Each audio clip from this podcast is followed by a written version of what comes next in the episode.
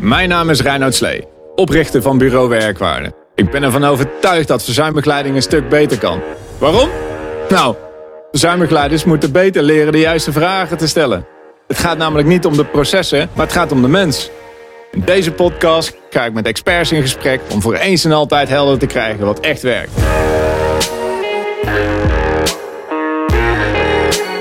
Dit is de Werkwaarde Podcast.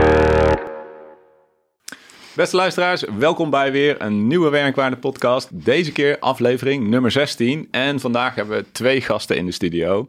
Um, Robert Vlekken van uh, talent, Online Talent Manager en uh, Victor Overmars van uh, Unlimited Human Strategies. Ik hoop dat ik het allemaal goed zeg. Welkom heren in de studio.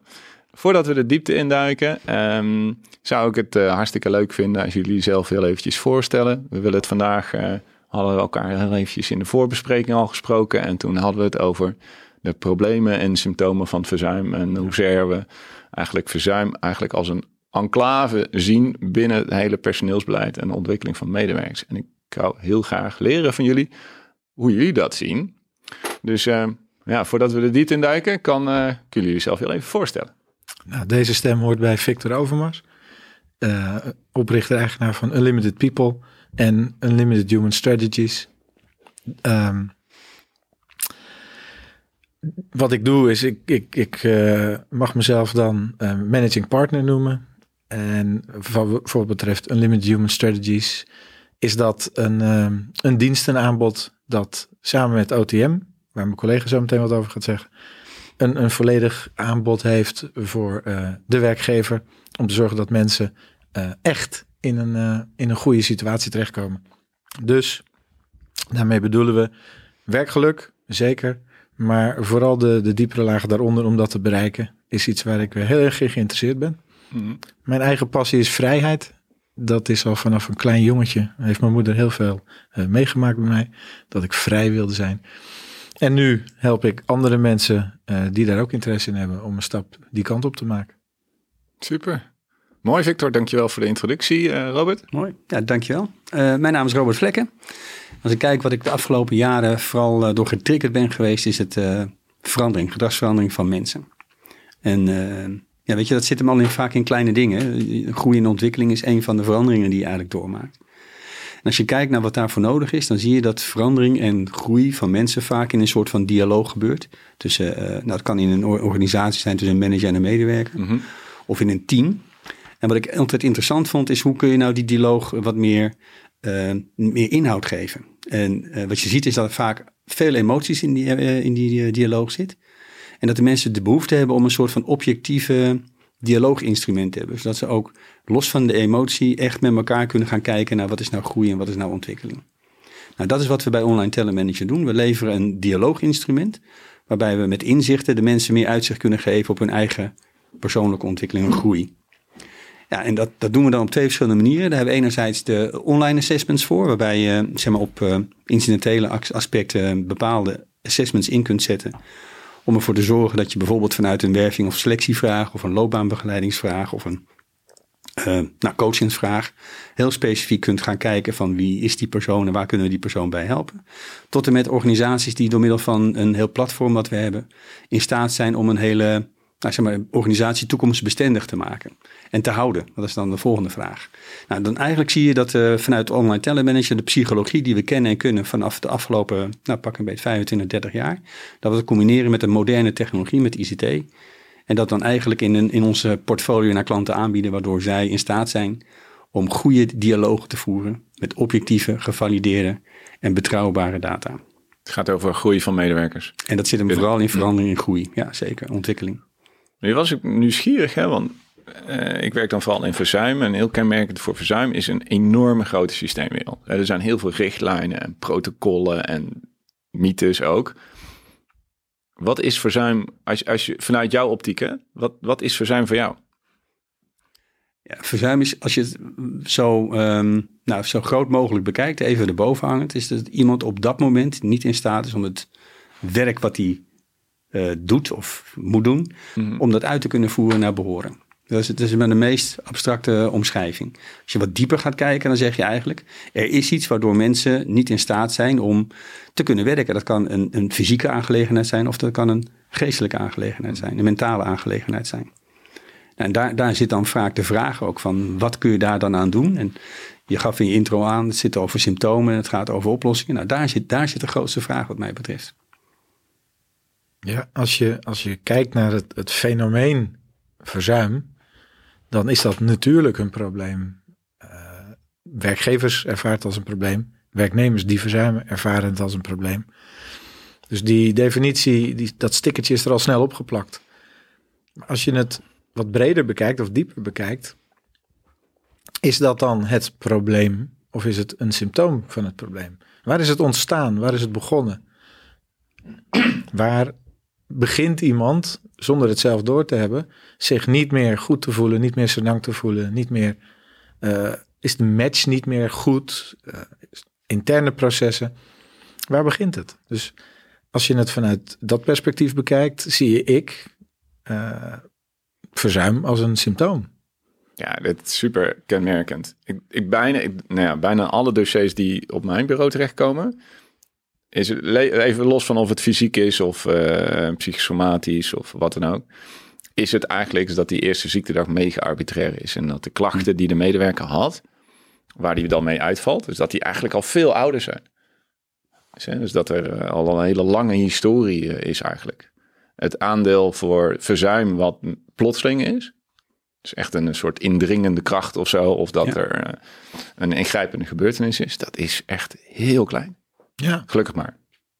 Ja, dat is ook onze dagelijkse praktijk. Ook vanuit een andere bedrijf wat we hebben, Burnout Poly. Altijd als je er met mensen over praat en je vraagt wanneer begon het eigenlijk, ze wijzen altijd en dan niet een weekje eerder en niet een paar maanden eerder, soms wel vele jaren eerder.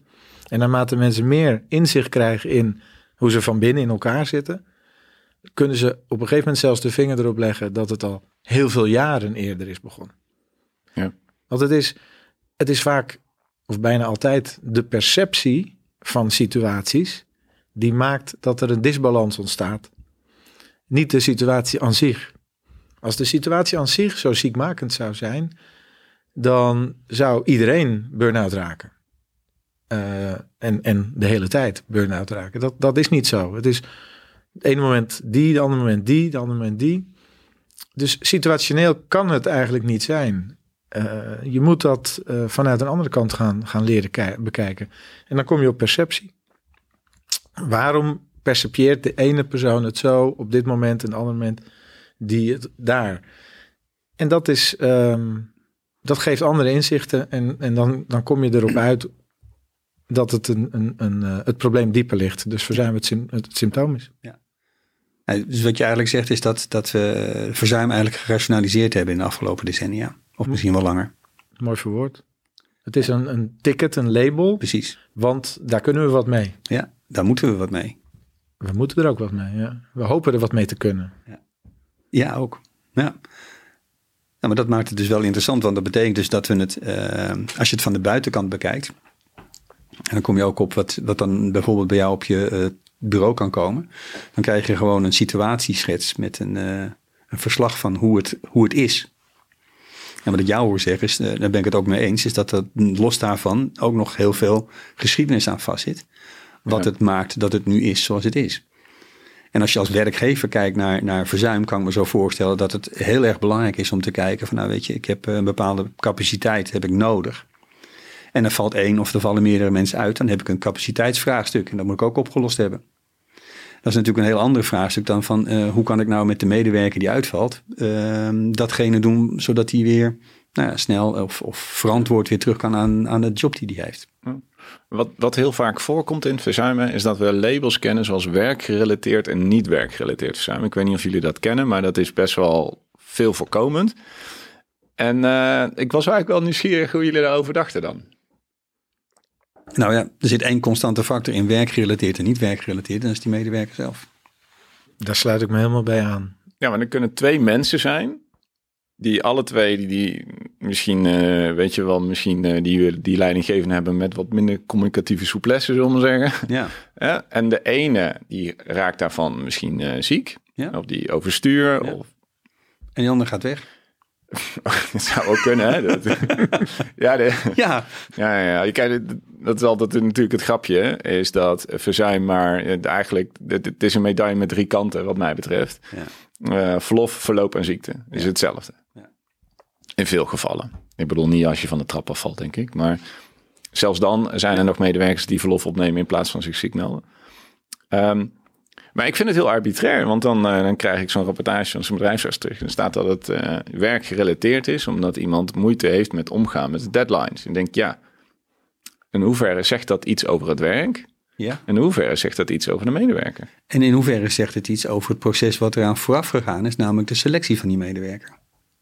Ja, dat is eh, nou een hele interessante. Want ik denk dat in vele gevallen is dat verzuim en reintegratie en arbo... dat dat echt een soort silo is. Dat er een hele Precies. sterke verzuiling is binnen bedrijven. En dat een soort eh arbodienstverlening een soort van ja, een moedertje, een dissatisfier is. Zeker. Je gooit het over de schutting...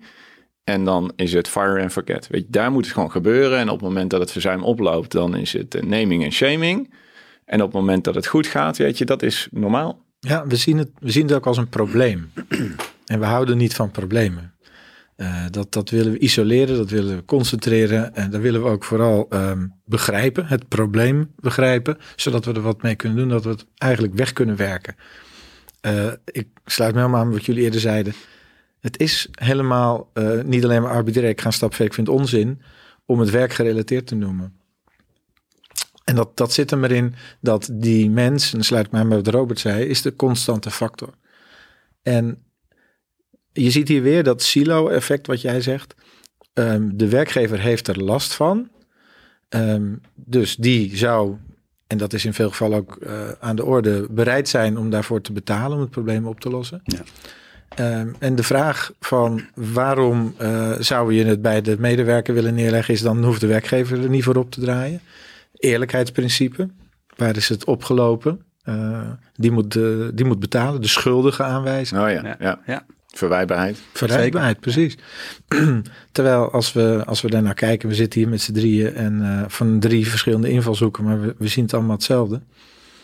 Die mens, daar is iets mee aan de hand en die is eh, suboptimaal, waardoor een aantal dingen, een aantal keuzes die hij heeft gemaakt, niet meer werken.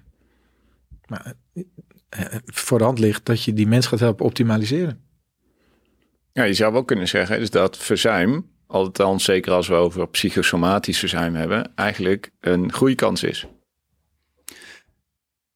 Per definitie. Zo zie ik het zeker. Ja.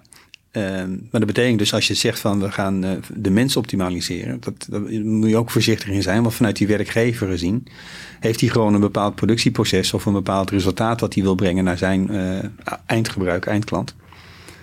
En eh, daar zijn gewoon een aantal activiteiten voor nodig. Dus je praat en over optimalisering van de mens in het proces. Je praat, feitelijk ook over optimalisering van de organisatie. En dus de meerdere processen van meerdere mensen bij elkaar.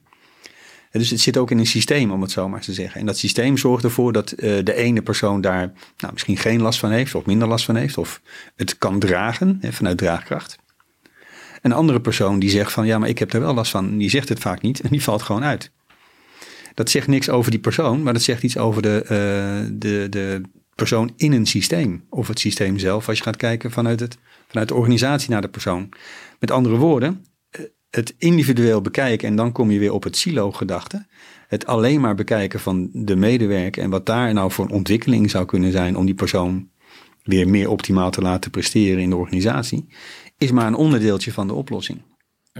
Ja, daar kan ik in mee. Het, eh, het lijkt wel of we ons ehm, alleen maar bezighouden met het eh, niveau gedrag. Want Ja. ehm, dat, dat is het meest grijpbaar, dat is het meest zichtbaar. En eh, daar hebben we ons massaal op gestort. Wat nou als iemand dit gedrag vertoont, dan zijn dat de risico's. Wat nou als die ander gedrag gaat vertonen, dan nemen die risico's af. En dan, komt er misschien een, een, een beter resultaat uit. Als je dat wel beschouwt, jongens, dan, dan, dan stellen we ons, wij uh, werkgevers van Nederland, ons daar een beetje op als circusdirecteuren. Die, die een aantal dieren hebben die een bepaald gedrag willen laten vertonen. En, en is dat wel helemaal passend bij die mensen? Ik stel me voor een leeuw, die moet ineens door een brandende hoepel springen. Nou, die heeft op de savanne in Afrika nog nooit brandende hoepels gezien. En ook geen zweep achter hem om ervoor te zorgen dat hij er doorheen gaat. Precies. en, en, en heb je in het wild wel eens een olifant op een stoeltje zien zitten? Eh, weet je, dat, of, dat, dat gebeurt niet. Ik wil maar aangeven, je kunt mensen eh, van alles aanleren. Um, gedrag, met belonen, met straffen. Maar daarmee haal je niet het beste uit die mens. Moeten we de vraag niet eens uh, gaan stellen van hoe halen we nou het beste uit de mens? Waar heeft die mens van nature nou behoefte aan? En hoe zou een werkgever dat goed kunnen inregelen? Nou, ja, dat, dat, begint al, dat begint al bij primaire keuzes maken van wat is, je, wat is je missie, wat is je visie, wat is je strategie. Want dan praat je feitelijk over een, een, een, een, ook een containerbegrip, maar laat het maar op tafel liggen, een vorm van talentmanagement. Waarbij je zegt van oké, ik wil de talenten die, in, die ik nodig heb om uiteindelijk het doel van de organisatie te waar te maken, die wil ik aan mijn organisatie binden. Ja, dat, is, dat is een andere benadering dan te zeggen, nou, we hebben mensen nodig en we gaan kijken of we vanuit een cv en een functieprofiel een bepaalde match kunnen maken. Dus het begint al bij het hoogste management dat moet gaan zeggen, oké, vanuit welke visie, vanuit welke missie gaan we eigenlijk die organisatie opzetten, of als die er al staat, richting geven. En van daaruit ga je dat vertalen naar kernwaarden. Je gaat kijken naar van wat voor soort, uh, nou ja, je hebt het over gedrag, maar feitelijk wat voor soort talenten hebben we nodig? En hoe kunnen mensen dan inzetten op hun talenten? Want als ze daarop ingezet worden, gaan ze meer floreren. Zijn ze productiever, effectiever, minder ziekteverzuim en alles wat erbij hoort. Ja, en daar hebben we het hier over. concretere competenties. Dat zit hem op, op ja, persoonlijkheid en dat zit hem op competenties en drijfveren. Ja, nou, ik, ik kan aangeven dat ik daar 100% in mee kan. Laat me er iets aan toevoegen. Op het moment dat je wil weten wat mensen drijft, vraag het ze gewoon. Daar begint het vaak mee. Vraag het ze gewoon. Onderzoek het. Uh, sta ik helemaal achter. Er zijn hartstikke goede assessments voor. Maar in aanvulling op die assessments in aanvulling op die assessments, uh, moet er een dialoog zijn. Zeker. Waarin uh, het normaal is in een organisatie om elkaar te bevragen van wat drijft jou nou eigenlijk? Oprechte interesse van waarom doe je eigenlijk wat je doet? Uh, privé, waarom kies je voor die hobby? Waarom kies je ervoor om zoveel tijd met je kinderen door te brengen? Waarom, waarom, waarom? Wat drijft jou? Ja, die vragen die zijn we dan wel een beetje gewend om die bijvoorbeeld bij werving, selectie en assessments te stellen. En wel misschien bij jou bij de behandelaar op de sofa. En wat gebeurt er tussendoor? Niet in de tussentijd. Precies, dus wat je ziet is dat er dus, en dan, dan kom je weer op het andere punt uit. Wat je ziet is dus er is een bepaald proces bedacht om dat heet dan selectie, waarbij we de kans geven aan de mensen om zichzelf wat meer te profileren. Eh, waarbij je altijd mag afvragen wie solliciteert bij wie, hè, want het gaat van twee kanten uit. Mhm. Maar dan laten we ons beste uh, beentje voortzetten en dan gaan we daar op basis van een oordeel vellen en dan kan iemand aangenomen worden. En vanaf dat moment zit hij gewoon in de daily routine van uh, de organisatie. Uh, en we weten allemaal, als je nieuw bloed in je organisatie wil hebben en je vervangt het te weinig, om het zo maar te zeggen, dat binnen twee, drie maanden dat het nieuwe, nieuwe instroom van mensen weer gewend is aan de cultuur, hoe de organisatie op dat moment functioneert. Dus als je daar een cultuur hebt van we vragen het niet aan elkaar en we hebben geen dialoog, dan is dat heel lastig om zomaar met één of twee mensen te veranderen. Maar als je dat wel wil, als je daar een primaire keuze in maakt, en dat, dat is iets wat in ons brein gebeurt op het moment dat we dat echt belangrijk vinden en er waarde aan gaan toekennen, dan ga je die organisatie wel omzetten. Ga je wel mee, ga je wel interesse hebben. Het is geen interesse omdat het, uh, omdat het mot. Het is gewoon interesse omdat je daarmee uiteindelijk het resultaat wat je neer wil zetten veel makkelijker, met minder inspanning bereikt. Met behoud van mensen. Je mag ze best stretchen, je mag best wat van ze vragen. Maar als je het vraagt vanuit hun talenten, zul je merken dat het minder energie kost of dat het herstelvermogen groter is. En als je, nou bij, als je nou bij die interesse begint, daar is het begin. Dan kun je daarna ook ehm, wat processen inrichten. En daar zijn natuurlijk al best practices. Hè? Er zijn uh, organisaties die hebben een, uh, een chief happiness officer in dienst. Of je ziet in Nederland ook veel uh, mensen die nu in de advertenties worden gevraagd. people manager, dat was vroeger mm. de hoofd HR. Dat heet nu people manager. Dat suggereert al meer, je moet mensgericht bezig zijn. Je moet je op de mens focussen. Dus dat is, dat is al een hele, nou, ik denk stap in de goede richting. Maar wat dan? als we ons blijven focussen op wat, we, wat makkelijk is, wat grijpbaar is, gedrag, komen we niet verder. Dus ik wil een lans breken voor leer nou eens een stap dieper te gaan. Leer Verder nou afpellen. verder afpellen. Zeker. Kijk nou eens onder dat gedrag. Kijk nou eens wat mensen drijft. Kijk nou eens welke waarden mensen hanteren. ehm, wat ze nastreven. Want die mens die is 32, 36, 40 uur per week bij jou in de zaak actief. Maar de week heeft veel meer tijd. En daarin zijn mensen met heel andere dingen bezig. Ze zijn bezig voor zichzelf met zingeving. Ze zijn bezig met grote vraagstukken. Klimaatverandering. Wat betekent dat voor mij? Moet ik in het westen van Nederland blijven wonen? Moet ik naar het oosten? Ja. Eh, de wereld. Het- mensen zijn met heel veel bezig. Vaccinaties. Mensen zijn van nature van zichzelf al met diepere vragen bezig. Op diepere, dieper gelegen niveaus. Waarom breng je dat niet in het gesprek op het werk? Zodat je daarmee een, een, een, een, ja, een nieuwe cultuur creëert. Waar het logisch is en fijn is om met elkaar op die manier bezig te zijn. En dan praat je alweer over het betrekken van van alles wat er al van nature aanwezig is. En dat bedoel ik met optimaliseren. Ja, en verder afpellen. Ja, heel herkenbaar en eh, eh, vo- volledig mee eens. En tegelijkertijd nou even naar de, naar de daily practice van een manager. Hoeveel tijd, gelegenheid hebben ze daarvoor om dit soort activiteiten, die dialoog op te starten met de medewerkers uit je team, hè? want daar hebben we het dan feitelijk over. Om daar dus ook echt de ruimte en de tijd voor te vragen en te nemen. En die aandacht die daarbij hoort, ook daadwerkelijk te focussen op even op dat moment, op dat gesprek. Ja, dat is een goeie. hè. Kijk, de, weet je, de, de, de vraag is waar je je focus op wil hebben. Want als je constant in eh, controle en beheer blijft, en beheersing blijft, Ja. dan blijf je constant, zeg maar, omdat je externe stimuli wil je. Je bent constant als manager bezig om de omstandigheden om een medewerker zo te creëren Ja. dat de medewerker die keuze maakt die jij eh, het beste vindt voor het belang van de organisatie. Ja. Dus dat wil zeggen dat je constant eigenlijk die omgeving moet manipuleren, Managen, moet ja. managen. Ja. Precies. Ehm, dat, daar heb je een dagtaak aan. Dus op het moment dat je een medewerker motiveert om uit eigen kracht zijn omgeving te, te manipuleren of zijn omgeving te creëren, ja, dan weet je, dus het is een beetje van, wil je aan de voorkant je tijd stoppen of wil je die uitsmeren over een hele langere periode? Precies, en wat er dan gaat gebeuren, dan komen belangen om de hoek kijken. En eh, eh, vooral zelf eigen belang en, en organisatiebelang. En misschien zelfs wel als het een bedrijf is, eh, shareholder value. Want er komen allemaal van dat soort extra stressoren op de, de dagelijkse praktijk te zitten. Waardoor, nou jij noemt het inderdaad eh, management en controle, dat dat een van de dingen is die de hele dag opneemt. En dat er weinig tijd en ruimte is om wel die dialoog te starten. Dus het gaat ook weer over een primaire keuze. Nou, wat ik, wat ik eh, goed vind van je, dat je in dit gesprek ehm, bij de realiteit wil blijven. Je wil niet gaan luchtfietsen. Je wil, het, het moet concreet. En daarin, daarin ben ik vrij optimistisch. Ik denk dat je met de bestaande structuren in organisaties, want we hebben eh, een directie, we hebben, of een bestuur, we hebben management en we hebben eh, meewerkend voor mensen. Eh, die, dat hoeft niet anders. Dat hoeft niet anders. Maar misschien mogen ze hun werk op een andere manier gaan uitvoeren. En daarbij kun je Eens. natuurlijk gebruik maken van moderne middelen. Eens. En die transitie moeten we indoen, of moeten we inzetten. Daar ben ik ook met je eens. En ik zie er ook bewegingen in. Dus bij klanten waar we mee praten, zie je ook steeds meer die, nou noem het maar eventjes de honger naar van, ja weet je, als we de dingen doen die we altijd gedaan hebben, dan krijgen we het resultaat dat we altijd hadden. is ook niet handig. Dus we willen best wel een aantal dingen oppakken. Dan heb je al over verandering en groei. En daar hebben we mooie instrumenten voor om dat inzichtelijk te maken. Dat klopt ook. Maar feitelijk praat je dan over een groter geheel. Dus niet een individuele verandering, maar echt een cultuurverandering binnen een organisatie.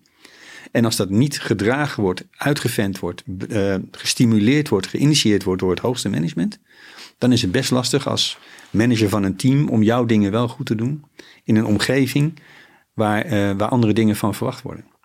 Dus met andere woorden, de realiteit zit hem dan in het feit dat we de, de eh, transitie van mensgeoriënteerd resultaat gecombineerd, hè, want dat zit er natuurlijk wel aan vast, ehm, leiderschap gaan, eh, gaan ontwikkelen waarbij eh, echt leiding hebben en leiding geven aan mensen, gericht op ontwikkeling, lerende organisaties en dergelijke. Daar is veel, veel meer voor nodig dan, dan uh, uh, nou ja, een, een, goed idee. Dat, dat is echt een beweging. Ja. Wat is nou de vraag, zeg maar, die dit accelereert? Die zeg maar de eerste, die de teerling werkt, die, die zo'n traject start? Nou ja, vraag of incentive. Ja. Uh, in, in het, in het, na het goede voorbeeld van, van Robert pak ik hem ook even concreet. Organisaties zijn in het leven om winst te maken. Winst en continuïteit. Dat is Mhm. Ehm, wat al heel lang eh, zo is en waarschijnlijk ook nog een tijdje zo zal blijven. Wat je steeds ziet dat daarnaast eh, maatschappelijk verantwoord ondernemen steeds meer invulling krijgt. Maar terug naar de basis, winst maken. En verenigingen dan?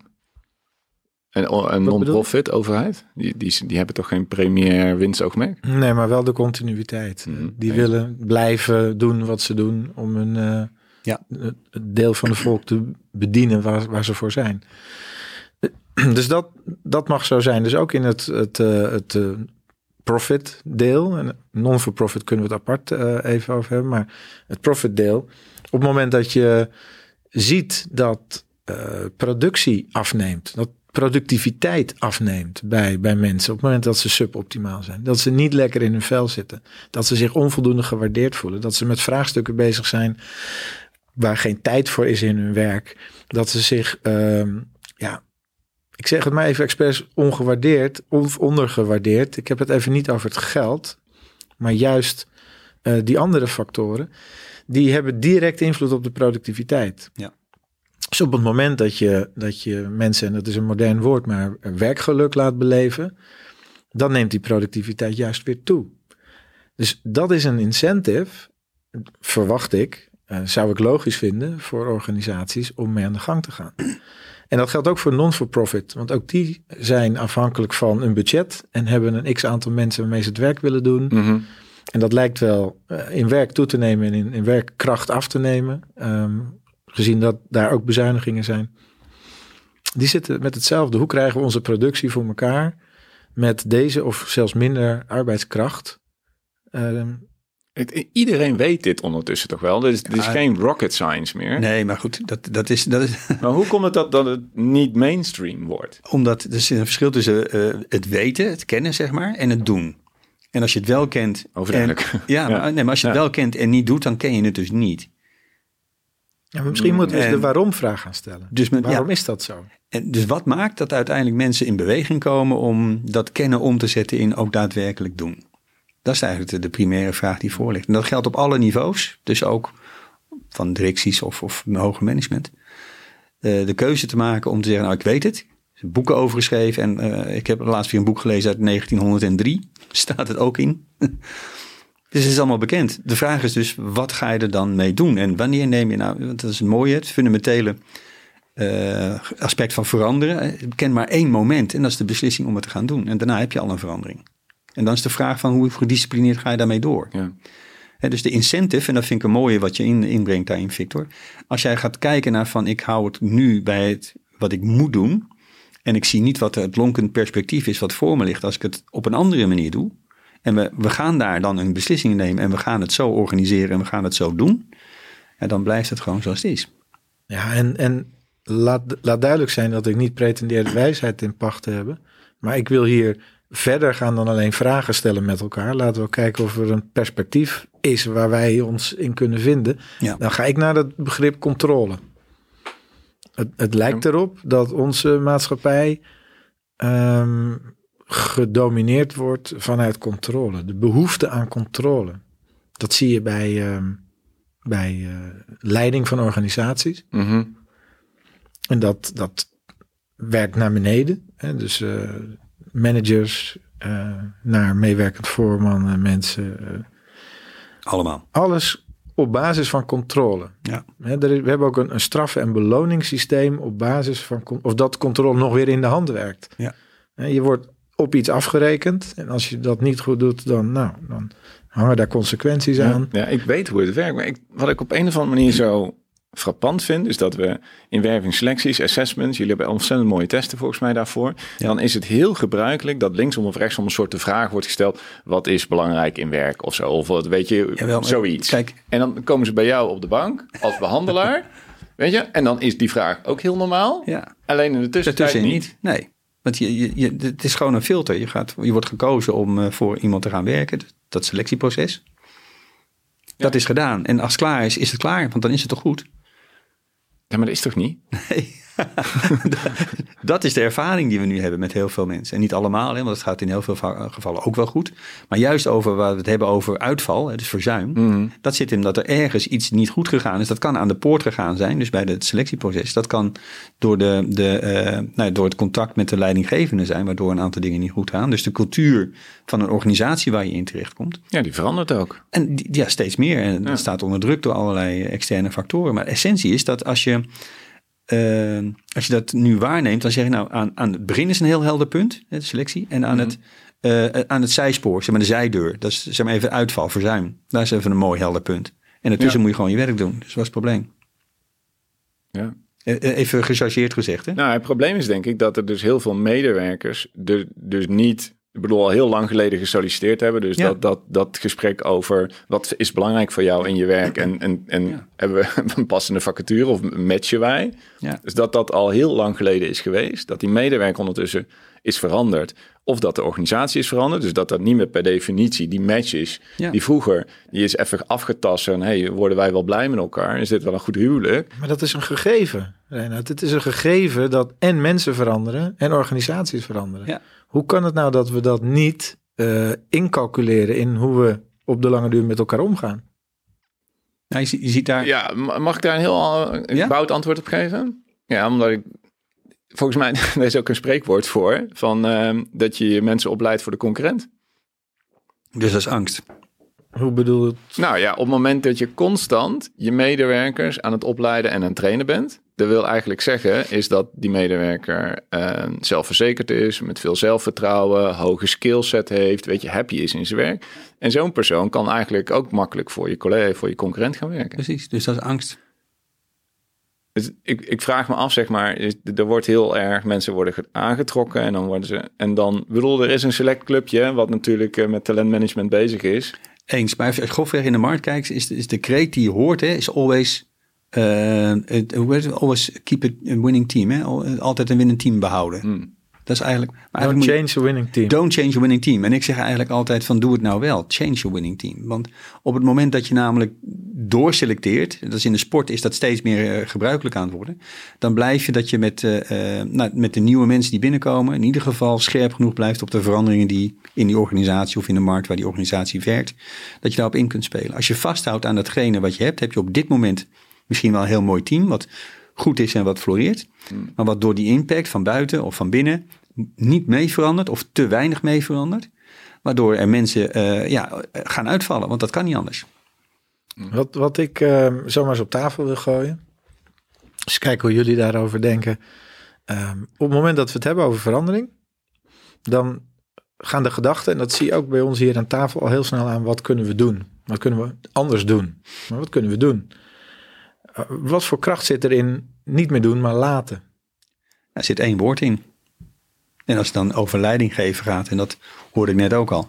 En dat heeft ook met vertrouwen te maken. Dat heeft zeker met vertrouwen te maken. En dat is het tegenovergestelde van controle. Precies. Dus als je het over management en controle hebt, dan mm. betekent het dus leiding geven vanuit vertrouwen en ontwikkeling. Ja, en dat is, dat is een mooie kreet. En als er dan mensen naar deze podcast luisteren, hoe kunnen we ze inspireren om invulling te geven aan die kreet? Ja, nou ja, en dan, dan moet ik oppassen dat ik niet ga vertellen wat, ik, wat je moet doen. Want dat wilde je net niet. Nou ja, even een moment, een segment van deze podcast selecteren om, om het te hebben over laten. Dus ik, ik poneer hem. Ja. Kunnen, we, kunnen we controle achterwege laten? Kan dat? Oeps. Dat is een hele grote vraag. Ja. Um, ook in het kader van verzuim. Ja, dat, dat vertaalt zich naar verzuim. Ja. ja, het kan. Nou ja, er, er, er zit een hele sterke systeemwereld omheen. Dus er, er zitten heel veel controle- en borgingsmechanismen in verzuim en arbo. Dus ik zou zeggen, ja, nee.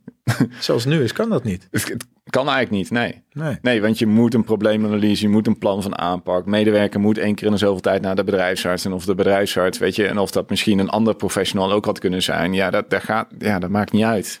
Als het maar gebeurt. Dus al- als wij nou Ja. vaststellen, het is, het is een kort door de bocht analyse, hè, dat realiseren we ons alle drie. Maar als wij dat nu vaststellen, dat controle er niet uit kan, hebben we dan niet een enorme gevangenis voor onszelf gecreëerd? Ja, maar dat is ook zo. Dat is denk ik het kenmerkende aan verzuim en arbobeleid. Dat ik met medewerkers aan tafel zit die eigenlijk zeggen: dit werk ik vind ik niet meer leuk. Ik wil dit werk niet meer. Ik krijg al vlekken in mijn nek als ik eraan denk. eh, eh, als ik terug moet naar die organisatie. En dat ik moet zeggen, ja, sorry jongen, maar dit is het. Weet je, ehm, als jij nu weggaat, maar je bent niet geschikt om een andere baan bij een andere werkgever, want je bent op dit moment niet belastbaar genoeg, dus je bent niet in staat om te solliciteren om een goede indruk achter te laten bij een andere werkgever. Het enige wat ik in mijn toolkit heb, we gaan reïntegreren. Maar jongens, ik blijf even gek? duwen. Hè? Ik blijf even duwen. Ja, kom maar. Jongens, gevangenis is een straf. En Ja, maar is dat we- ook niet heel vaak we- zo met verzuim en Ja, gaat? nee, maar we, Ja, sorry, we ik probeer er consta- altijd betekenisvol iets van te maken, Ja. zeg maar. Maar, ik, Maar we constateren met elkaar dat we controle hebben, dat we controle niet kwijt kunnen. Dat, dat kan haast niet in, in hoe we het hebben georganiseerd. Dat creëert een gevangenis. En gevangenis heeft in Nederland de betekenis dat is een straf.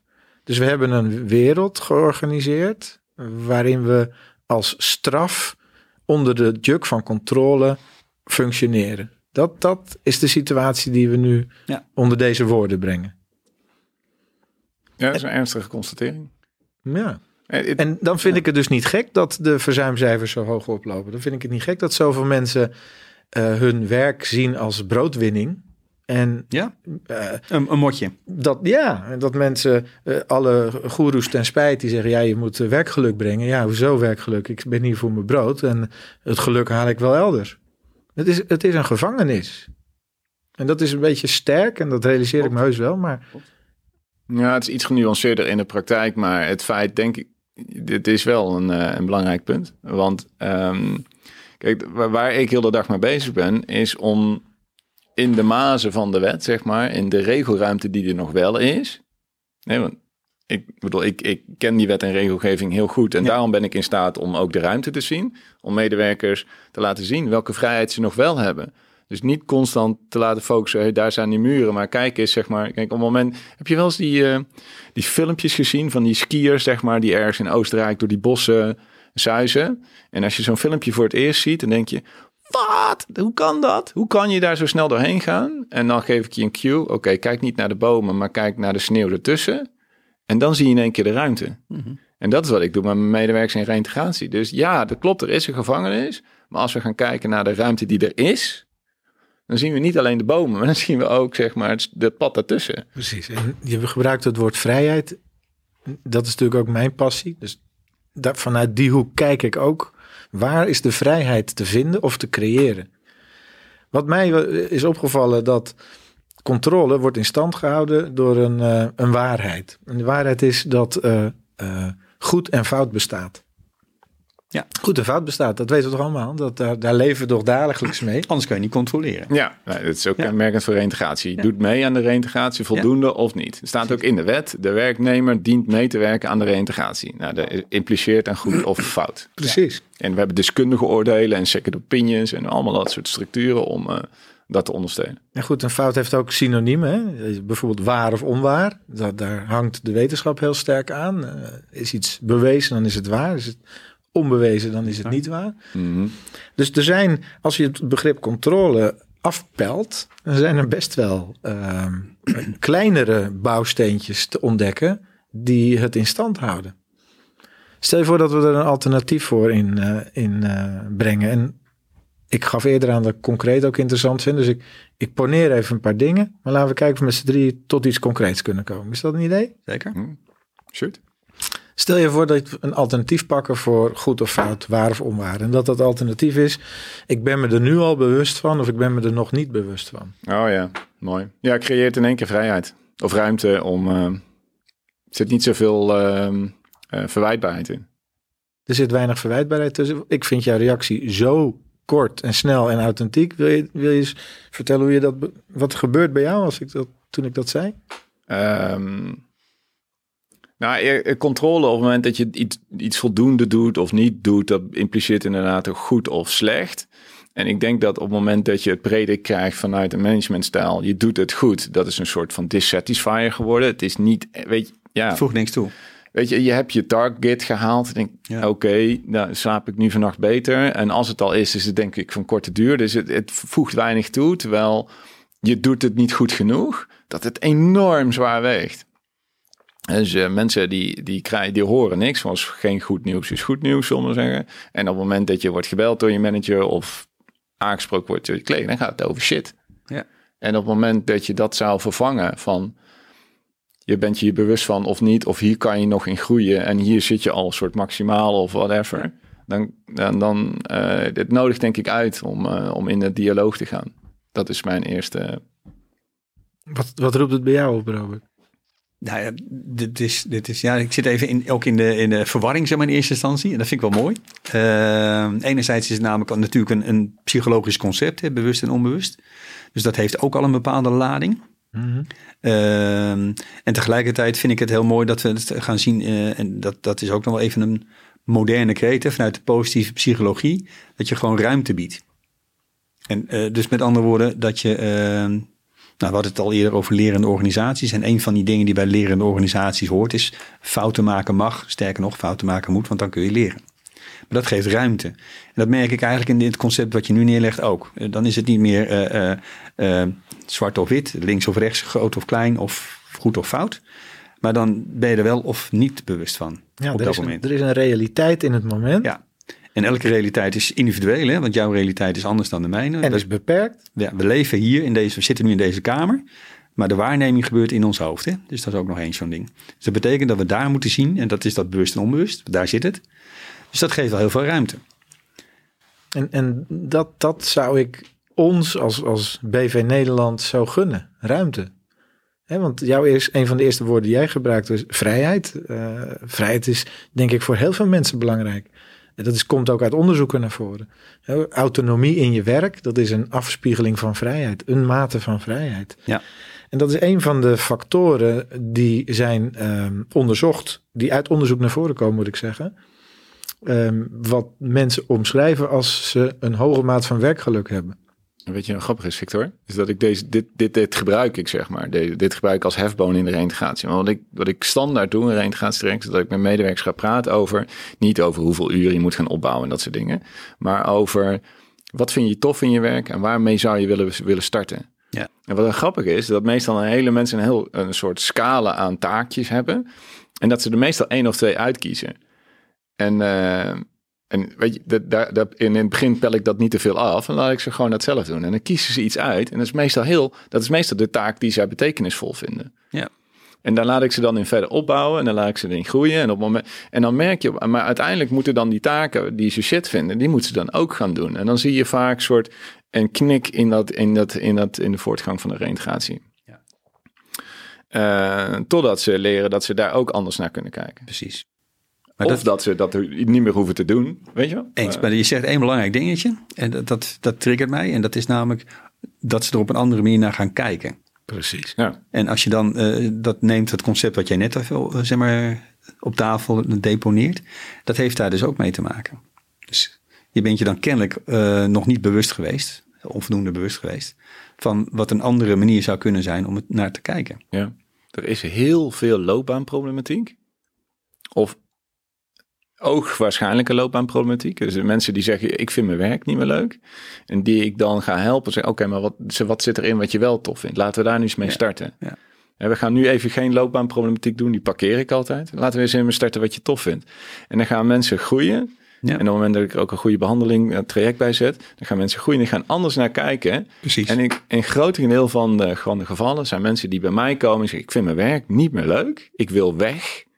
Weet je wel, mijn werkgever maakt muziek. ja. En dan denk ik: Oké, ik vier mee, ik kijk mee. En een eind over een paar weken later, of misschien in sommige gevallen een paar maanden later, zegt ze: Oh, maar ik heb mijn werk opnieuw uitgevonden. En dat is precies wat ik bedoel met Precies. optimaliseren. Kijk, wat, wat we, er zijn eh, ehm, wetmatigheden. en die zijn groter dan wij, dus daar zullen we het mee moeten doen. Een van die wetmatigheden is dat het, me- de menselijke eh, aandacht is beperkt. Een menselijke aandacht is beperkt. We kunnen onze aandacht maar aan een aantal dingen tegelijkertijd geven. Ja. En daar ons volledig bewust van zijn. Andere dingen zijn ook in onze potentiële waarneming. Maar we zijn er veel minder of onbewust van. En die tellen niet mee in onze waarheidsbeleving.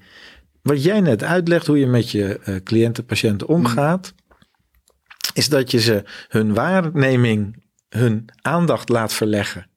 Waardoor ze een ander stukje van dezelfde realiteit gaan zien. Waar ze zich voorheen niet bewust van waren. Ja. Dus dat is precies een invulling, een hele concrete invulling van hoe belangrijk uh, bewust, onbewust als criterium is. En dat je dan, als jij in de rol van hulpverlener kan kijken, hoe maak ik iemand bewust van iets waar hij voorheen niet bewust van was. Fantastisch voorbeeld. Je illustreert helemaal wat ik bedoel. En hoe zouden dat daarop verder kunnen doorbouwen. Op het moment dat ik ga kijken naar werving en selectie en als ik ga kijken naar behandeling, interventie, leren en weet je, lerende organisatie en lerende medewerkers, hoe, hoe kunnen wij vanuit verzuim, zeg maar, die, die aansluiting vinden, die brug bouwen? Ja, ik vind het leuk dat je het op deze manier stelt. Hoe kunnen we vanuit verzuim, uh, mag ik zo brutaal zijn om hem volledig om te draaien? Ja, precies. Hoe kunnen we het niet vanuit verzuim, maar vanuit gezondheid wat is een gezonde manier voor mensen om 40 uur per week te werken? Wat is een manier waarop werkgevers krijgen wat ze willen en werknemers krijgen wat ze willen? Ja. Ik, ja, ik snap dat je hem zo zegt. Maar verzuim is niet alleen de muren. Verzuim is ook de ruimte die ertussen zit. Verzuim namelijk is ook een platform met allerlei professionals, waar ik er dan eentje van ben. En ook mensen die authentiek, gepassioneerd zijn voor het vak om mensen verder te helpen. Dus en ik, ik denk ook dat shit is niet te voorkomen. Je gaat een keertje ouders je verliezen of je wordt een keer ziek. En dan is het fantastisch om een systeem te hebben of een platform of een hulplijn of hè, om, je, om je dan verder te helpen, om je er weer bovenop te helpen, om je kracht te hervinden. En als je dat dan verzuim traject wil noemen, fine, maakt me niet uit. Maakt niet uit hoe het heet. Waar het, waar het om gaat is dat de mensen shit meemaken. En dat de mensen moeten klaar zijn om ze te helpen. Bestrijd ik niet. Sterker nog, eh, met onze burn-out policy hebben we natuurlijk ook eh, aandeel in, in, in die keten. En ehm, ik, ik, zeg altijd, uh, als mensen zeggen ja, dan, dan zit je mooi op, op de ellende van anderen zit je te, te profiteren. Nou laten die mensen dan maar goed en snel geholpen worden. Um, ja. In plaats van uh, acht maanden uh, in ellende thuis zitten en dan uit ellende maar beginnen. In plaats van omdat ze zich weer goed voelen. Dus ik ben daar helemaal in mee. We mogen kritisch naar onszelf kijken. Uh, de bakker praat vanuit brood en de schilder vanuit verf. En de verzuimmensen vanuit verzuim. Ja, ja. En, en is dat dan terecht? Of moeten we inderdaad een stapje hoger kijken? en verzuim zal er altijd zijn. Dat, dat benoem je net. daar sluit ik me bij aan. Dus daar moet een goed vangnet zijn. Maar we moeten denk ik onze organisaties niet inrichten vanuit verzuim of voorkomen van verzuim. Maar vanuit optimaliseren van zowel de behoeften van de, de werkgever als de werknemer. Ja, eens. Ja, helemaal mee eens. En dus jij stelt een vraag, die krijg je nu niet beantwoord. Sorry daarvoor. Lastige vent, die Victor. Uh, maar de essentie van jouw vraag, zou je die nog eens willen neerleggen? Wat, waar, waar wil je naartoe? Nou, wij starten vaak blanco. En dat vind ik echt mega gek eigenlijk. Dus de, eerste terugkoppeling is spreek u bij de bedrijfsarts en dan gaan we met z'n allen eigenlijk pas iets doen. En dus eigenlijk waar de medewerker, dus hoe de medewerker de organisatie is ingekomen en weet je hoe die in die functie zit. de hele zeg maar informatie ophalen uit de organisatie, dat is niet echt gebruikelijk. Um, en daarnaast op het moment dat wij klaar zijn met verzuim, laten wij het soort van los. Soort van, en dat vind ik ook heel gek. Want al, ik zie namelijk verzuim als groei. Mhm. Ah, en dus op het moment dat iemand klaar is, is hij echt niet klaar met. Als iemand klaar met verzuimen is, ja, weet je, dan kan hij zijn werk wil doen voor het minimum, de norm, de minimale norm binnen de organisatie. Maar dat wil niet zeggen dat hij zijn maximale potentie heeft bereikt. Dus jij zou eigenlijk willen borgen dat hij gaat groeien? Dat de groei die erin zit in potentie ook eruit komt. Dus ik bedoel, ik lever af tot het minimum van de norm. En dan kan een medewerker verder groeien. Maar ik, ik moet het loslaten. Terwijl ik idee heb dat het een soort van estafette stok zou moeten zijn. dat er iets, over in. Zit, dat, er moet iets, wat is er na mij? Ja. Ik laat het meestal los en dan stoppen we snallen. En dan is het... Ja, maar gaat het dan mis? Ik bedoel, is, is een medewerker die weer op minimum, zoals jij dat noemt, uh, terug is in zijn of haar eh, kracht, is die dan zelf niet in staat, gegeven dat organisaties ook niet giftig voor mensen zijn, maar juist stimulerend voor mensen, is een medewerker dan ook niet in staat heel goed zelf om weer verder te gaan? Ik weet het niet. Ik stel de vraag. Ja. Ja, nou, is denk ik hoe goed het reintegratietraject is. Ik probeer ze eigenlijk altijd af te leveren, een maatje meer. Ehm, dat is ja, mooi, ja. nou ja, ik, weet je, mijn credo is, eh, ik bied reintegratie aan zoals ik dat ook voor mijn eigen vrouw zou aanbieden. Ja, en dat, is- dat is heel mooi. En ik ga ervan uit dat er meer professionals zijn die met een vergelijkbaar perspectief eh, zeg maar, in, in het eh, proces zitten. Maar je, het, het gemis aan de, van de handover, je, je noemde zelfs het woordje estafette, hè? dat zit hem gewoon in het feit hoe zeg maar, organisaties kijken naar verzuim. En het perspectief zou kunnen zijn dat ze zeggen, nou oké, Jaapie komt weer terug. Mooi, Jaapie is goed, lekker aan de gang. Doe wat je altijd gedaan hebt, want daarvoor heb ik je aangenomen. Ja. Dus met andere woorden, het, het, eh, de, de handover zit hem dan vooral in het feit van oké, hoe, eh, en dan leen ik ook die kreet die je net geponeerd hebt, hoe bewust is dan de leidinggevende van die persoon die reïntegreert of terugkomt naar verzuim, van het proces wat eraan vooraf gegaan is en het proces waar die persoon in gaat groeien. En als dat er niet is, dan, ja, dan is het dus gewoon, dan is die onbewust en dan gaat er niks veranderen. Wat wij zien is ehm, eh, vanuit eh, inderdaad onze, onze burn-out poli is dat mensen die bij ons hebben geleerd hoe hun menselijke strategieën werken, die komen terug op een werkvloer waar hun direct leidinggevende eh, of hun directie helemaal niet bewust zijn van hoe menselijke strategieën werken. Ja. Ehm, en niet zelden leidt dat er ook toe dat mensen zeggen, nou ik ga, eh, ik ga op zoek. Ik ga op zoek of ik ga voor mezelf beginnen. Dus ze gaan weg. Dus ze gaan weg. Ja. Verloop. is het En dat, en dat is, verloop. dat is het, de, de lans die ik probeer te breken in de BV Nederland. Van laten we nou eens naar die mens kijken. Naar de menselijke strategieën die intern spelen. eh, om, om die gewoon te gebruiken. Die zijn aanwezig. Mensen zijn met hun eigen interne eh, strategieën bezig. Eh, laten we daar nou gebruik van maken. Het is, we hebben zo'n kloof gecreëerd, ook met versterkt door de AVG, van dit is werk en dat is privé. En wat privé is, mogen we niet aankomen. Ehm, Ja. Ik denk dat vast niet alle medewerkers in Nederland, maar een groot deel van de medewerkers in Nederland het helemaal niet vervelend vinden, omdat waar zij mee bezig zijn, ehm, mee te nemen naar de werkvloer. Ja.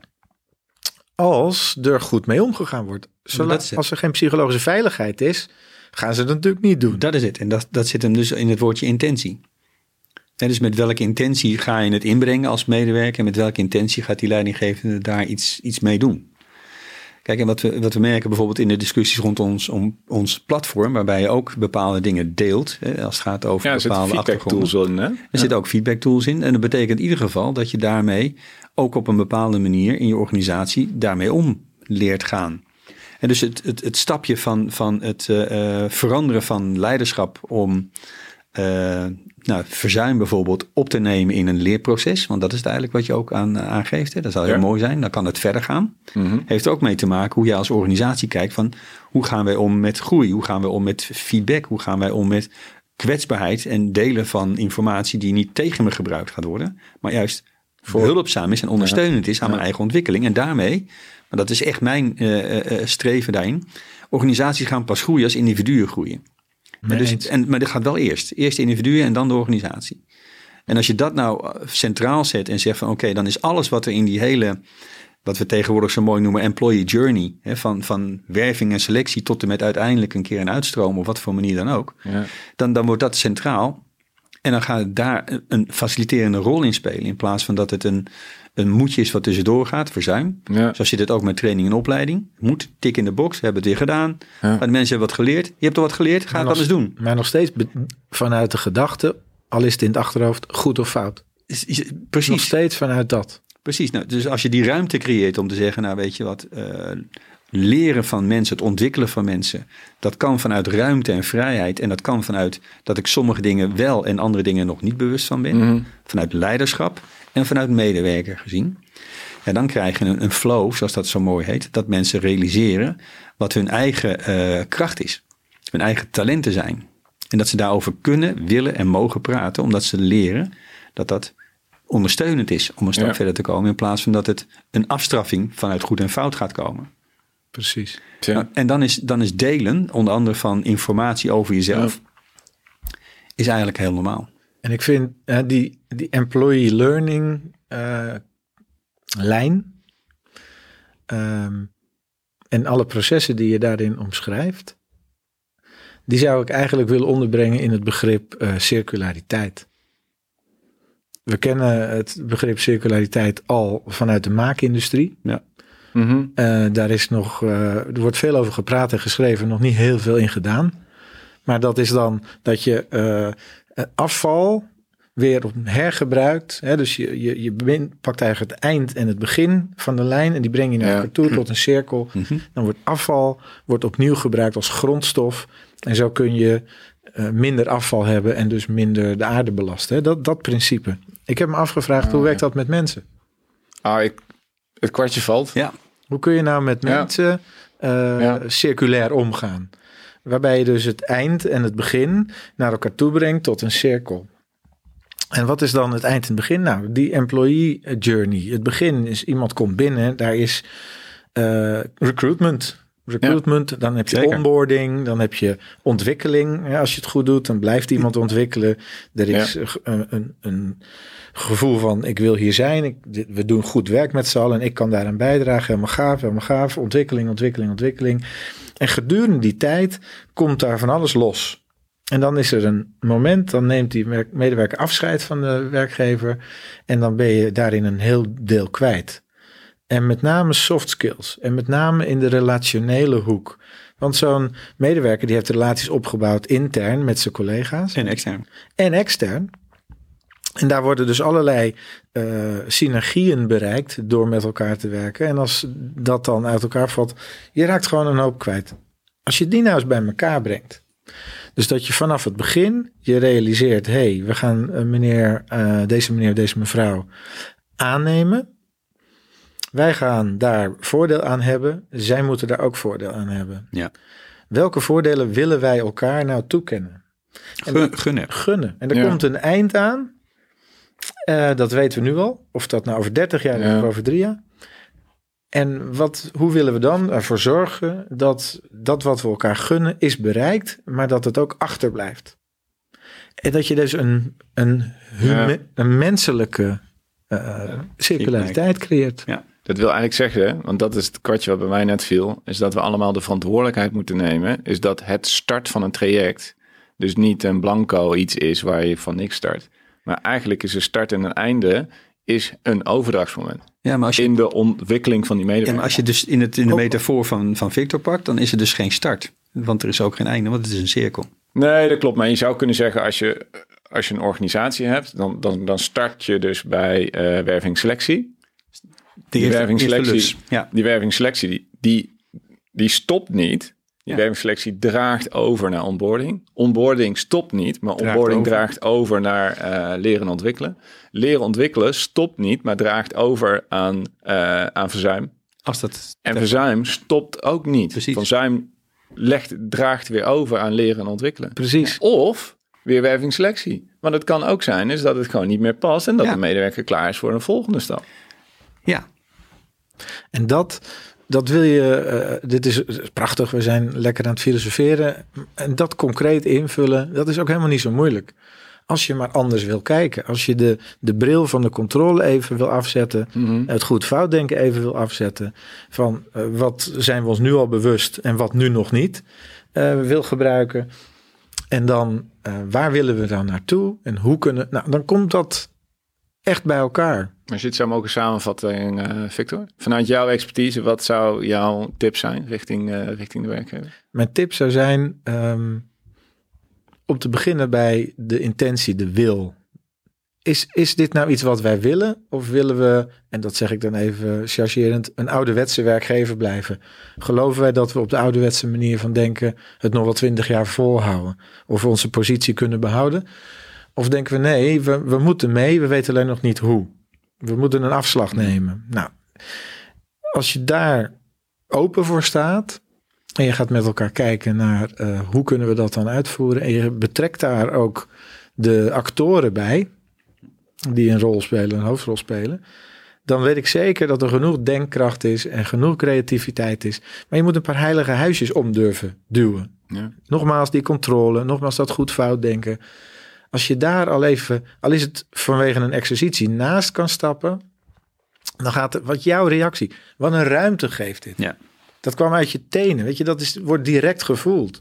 Nou, dat effect ga je dan in de organisatie krijgen. Hmm. En waar het uitkomt, dat, dat hangt af van elke organisatie natuurlijk. Ja. Robert, en voor jou?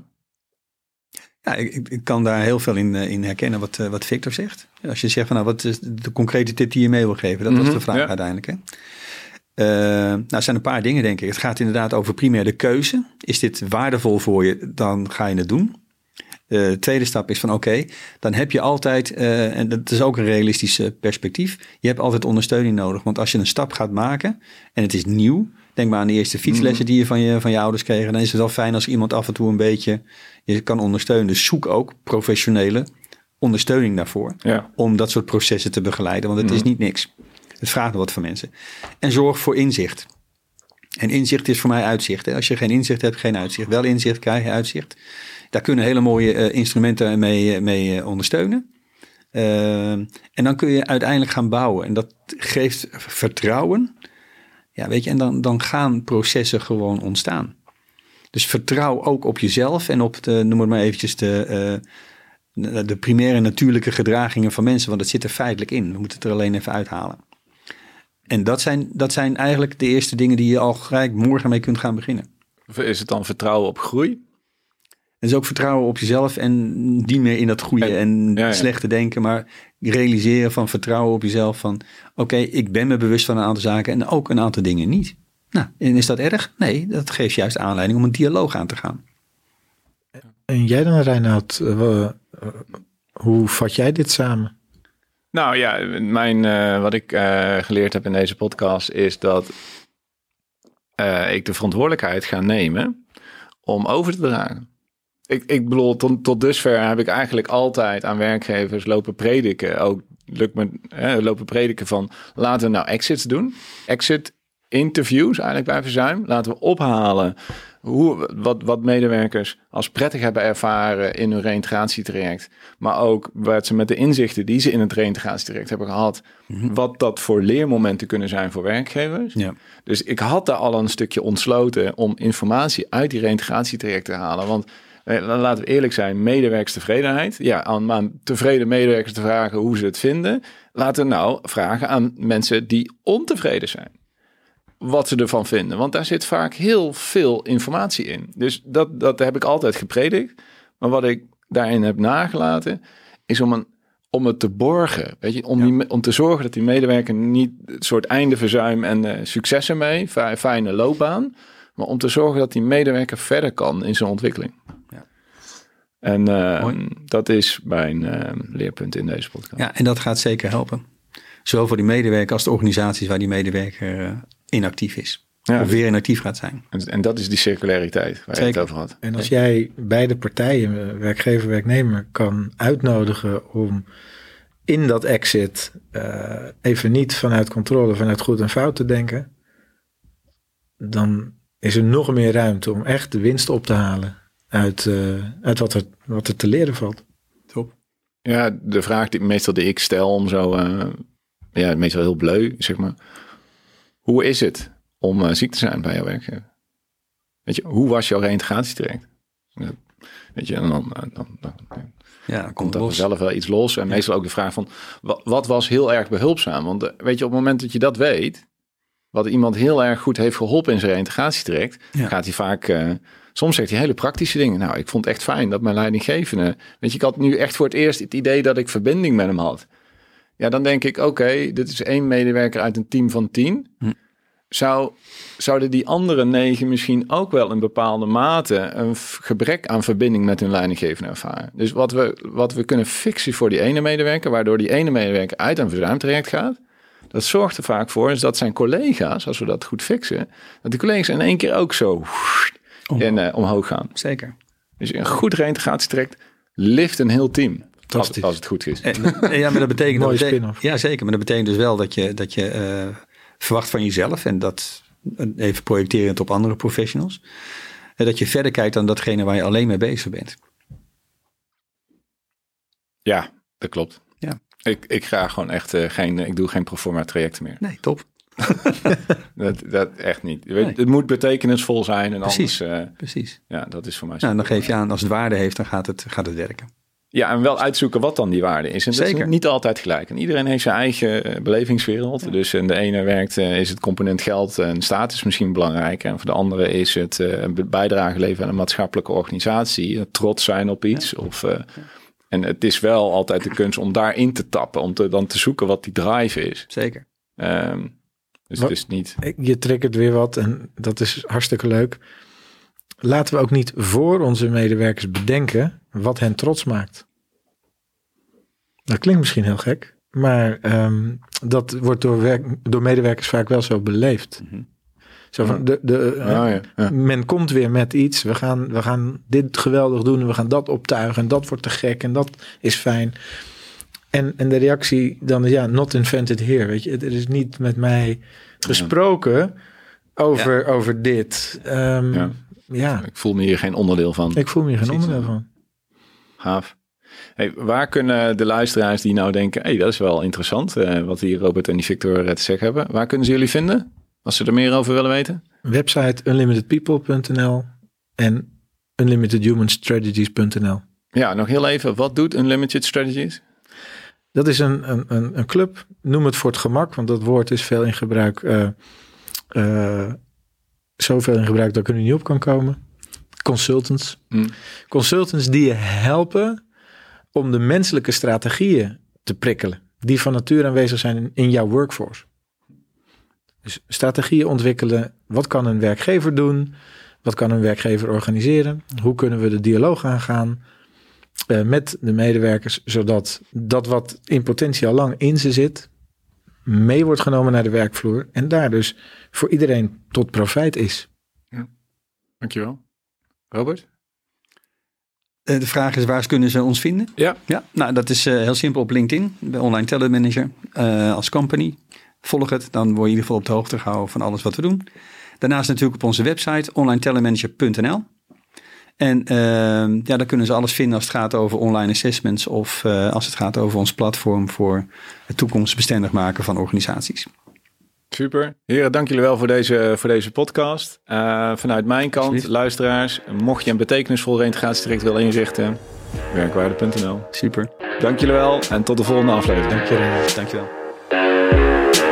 Bedankt voor het luisteren naar de podcast. Wil je meer weten over een effectieve verzuimaanpak? Download dan mijn e-book over de 7 oorzaken van te hoog verzuim op werkwaarde.nl.